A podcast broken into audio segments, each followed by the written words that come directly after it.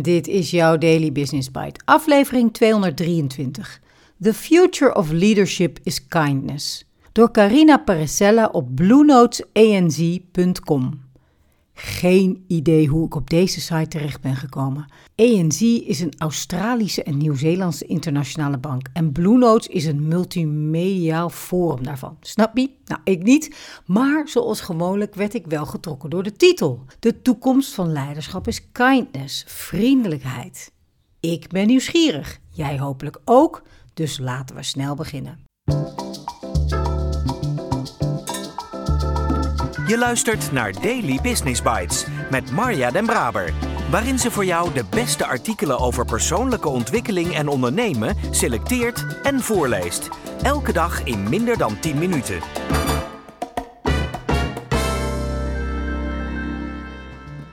Bedrijven van groot tot klein. Luister, maak plaats voor een nieuwe leiderschapsstijl, namelijk vriendelijkheid. Serial entrepreneur Gary Vaynerchuk praat consistent over de kracht van vriendelijkheid in het bedrijfsleven. Hij gelooft dat zachte vaardigheden belangrijker zijn dan we denken. Slecht verkoopt op korte termijn, goed wint uiteindelijk altijd, zegt hij.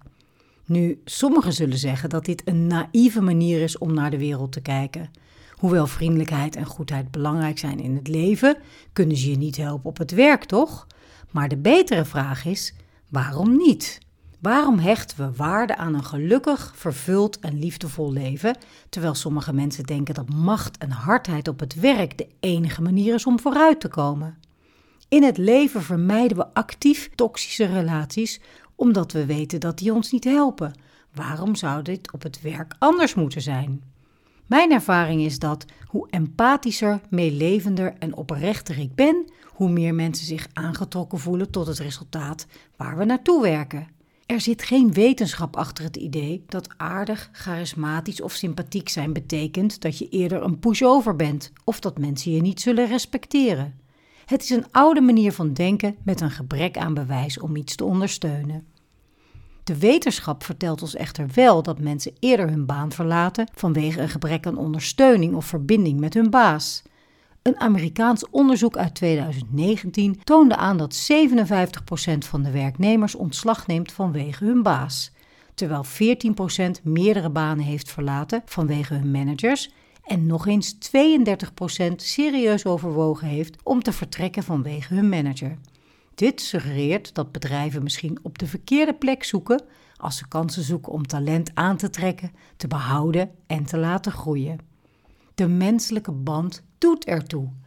Gallup constateert jaar na jaar in zijn onderzoeken onder Amerikaanse werknemers dat het ontvangen van een compliment, woorden van erkenning en lof individuen kan helpen zich meer vervuld te voelen, hun zelfrespect te vergroten, hun zelfevaluaties te verbeteren en positieve emoties te stimuleren.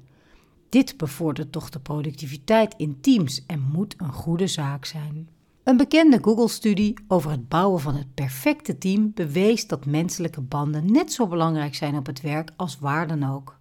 De gedragingen die psychologische veiligheid creëren, gespreksvoering en empathie, maken deel uit van dezelfde ongeschreven regels die we vaak als individuen hanteren wanneer we een band willen opbouwen, vond de studie. En die menselijke banden zijn net zo belangrijk op het werk als waar dan ook. Sterker nog, ze zijn soms nog belangrijker. Googles intensieve gegevensverzameling en cijferanalyse hebben geleid tot dezelfde conclusies die goede managers altijd al hebben geweten. In de beste teams luisteren leden naar elkaar en tonen ze empathie voor gevoelens en behoeften. De wetenschap vertelt ons ook dat we mensen kunnen behouden door een gezonde, ondersteunende, empathische en zeer communicatieve omgeving om ons heen te hebben. Een conclusie die Gallup trok uit tientallen jaren gegevens en interviews met 25 miljoen werknemers. Het is een kwestie van gezond verstand, nu meer dan ooit. Nu bedrijven ernaar streven hun productiviteit op peil te houden tijdens de pandemie en het voortduren van een personeelsbestand op afstand. Vriendelijkheid mag niet over het hoofd worden gezien. Zo ziet leiderschap in de 21ste eeuw eruit. Het andere argument dat moet worden ontkracht is het idee dat een empathische, zachte leider niet sterk en doortastend kan zijn. De Nieuw-Zeelandse premier Jacinda Ardern heeft ons keer op keer geleerd dat leiders zowel empathisch als sterk kunnen zijn.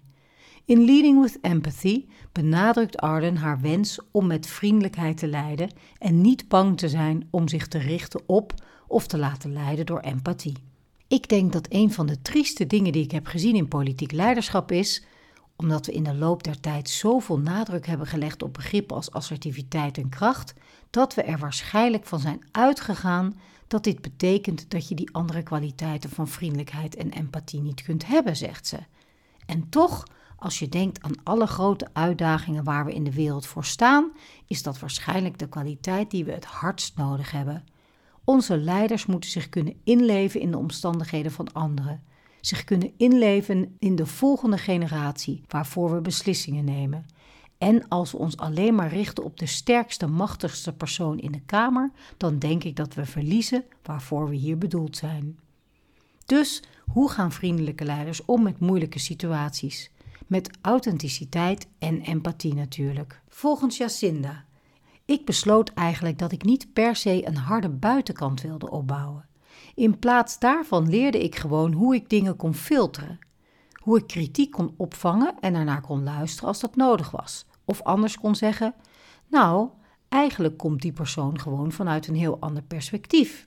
En dat was echt een grote leerschool, weet je. Eigenlijk heeft de wereld geen behoefte aan een heleboel politici met een dikke huid, maar wel om mensen die om hen geven. Hetzelfde geldt voor bedrijfsleiders. En het maakt niet uit of het bedrijf groot of klein is. Sommigen zullen zeggen dat het goed is om zo te zijn in een start-up, maar dat het niet werkt voor een onderneming vanwege de moeilijke beslissingen en afwegingen die nodig zijn. Opnieuw vraag ik: waarom niet? We zijn allemaal mensen en hebben motivatiebehoeften zoals erbij horen, liefde, veiligheid en waardering. Compassievol leiderschap is het vermogen om moeilijke dingen op een menselijke manier te doen. Wanneer, niet als. In het McKinsey-boek CEO Excellence, dat onderzoekt hoe uitstekende CEO's de organisatie op één lijn brengen, werd opgemerkt dat alle 67 in het boek genoemde CEO's de zachte dingen net zo behandelden als de harde dingen. Ze gingen even strikt om met onderwerpen als talent, cultuur en organisatieontwerp. Ze weten dat dit een bron van concurrentievoordeel is als ze dat goed doen. Als leiders hebben wij een zorgplicht voor de mensen aan wie wij leiding geven. Wie bereid is zijn ego opzij te zetten, kan groeien als leider en een betere versie van zichzelf worden op het werk en in het leven. Modern leiderschap in de 21ste eeuw vereist vriendelijkheid die een gezonde voedingsbodem creëert door drie zeer kritische ingrediënten in succesvolle teams die talenten vasthouden: effectieve communicatie, psychologische veiligheid en groeimogelijkheden. U hebt de kans om een zinvolle, positieve en bloeiende omgeving voor uw mensen te creëren, die niet alleen een blijvend effect zal hebben op de mensen die u bereikt, maar ook een ripple effect zal creëren van meer sociale verbondenheid en inclusie in het hele bedrijf. Werk is een groot deel van ons leven. Gelukkig en heel zijn op het werk betekent dat ik echt leef. Als u een beetje vriendelijkheid en vreugde op het werk kunt verspreiden, doe het dan. Het bewijs zegt ons dat prestaties en productiviteit alleen maar zullen toenemen. De beste teams zijn die waarin leden en leiders naar elkaar luisteren en gevoeligheid tonen voor gevoelens en behoeften. Dus kom op, probeer het eens en maak iemands dag goed. Daily Business Bites met Marja Den Braber. Je luisterde naar een vertaling van The Future of Leadership is Kindness door Carina Paresella. Tot twee keer toe wordt een belangrijke vraag gesteld: waarom niet? Waarom zou je niet direct vandaag uitproberen hoe het is om vriendelijk te zijn? Je kunt nog steeds duidelijk zijn in wat je wilt of wat er moet gebeuren, maar dat kan natuurlijk ook heel goed vriendelijk. Wie weet wat voor een geweldige ontdekking je doet. En laat je die dan weten, dan doe ik dat ook. Ik spreek je graag morgen weer.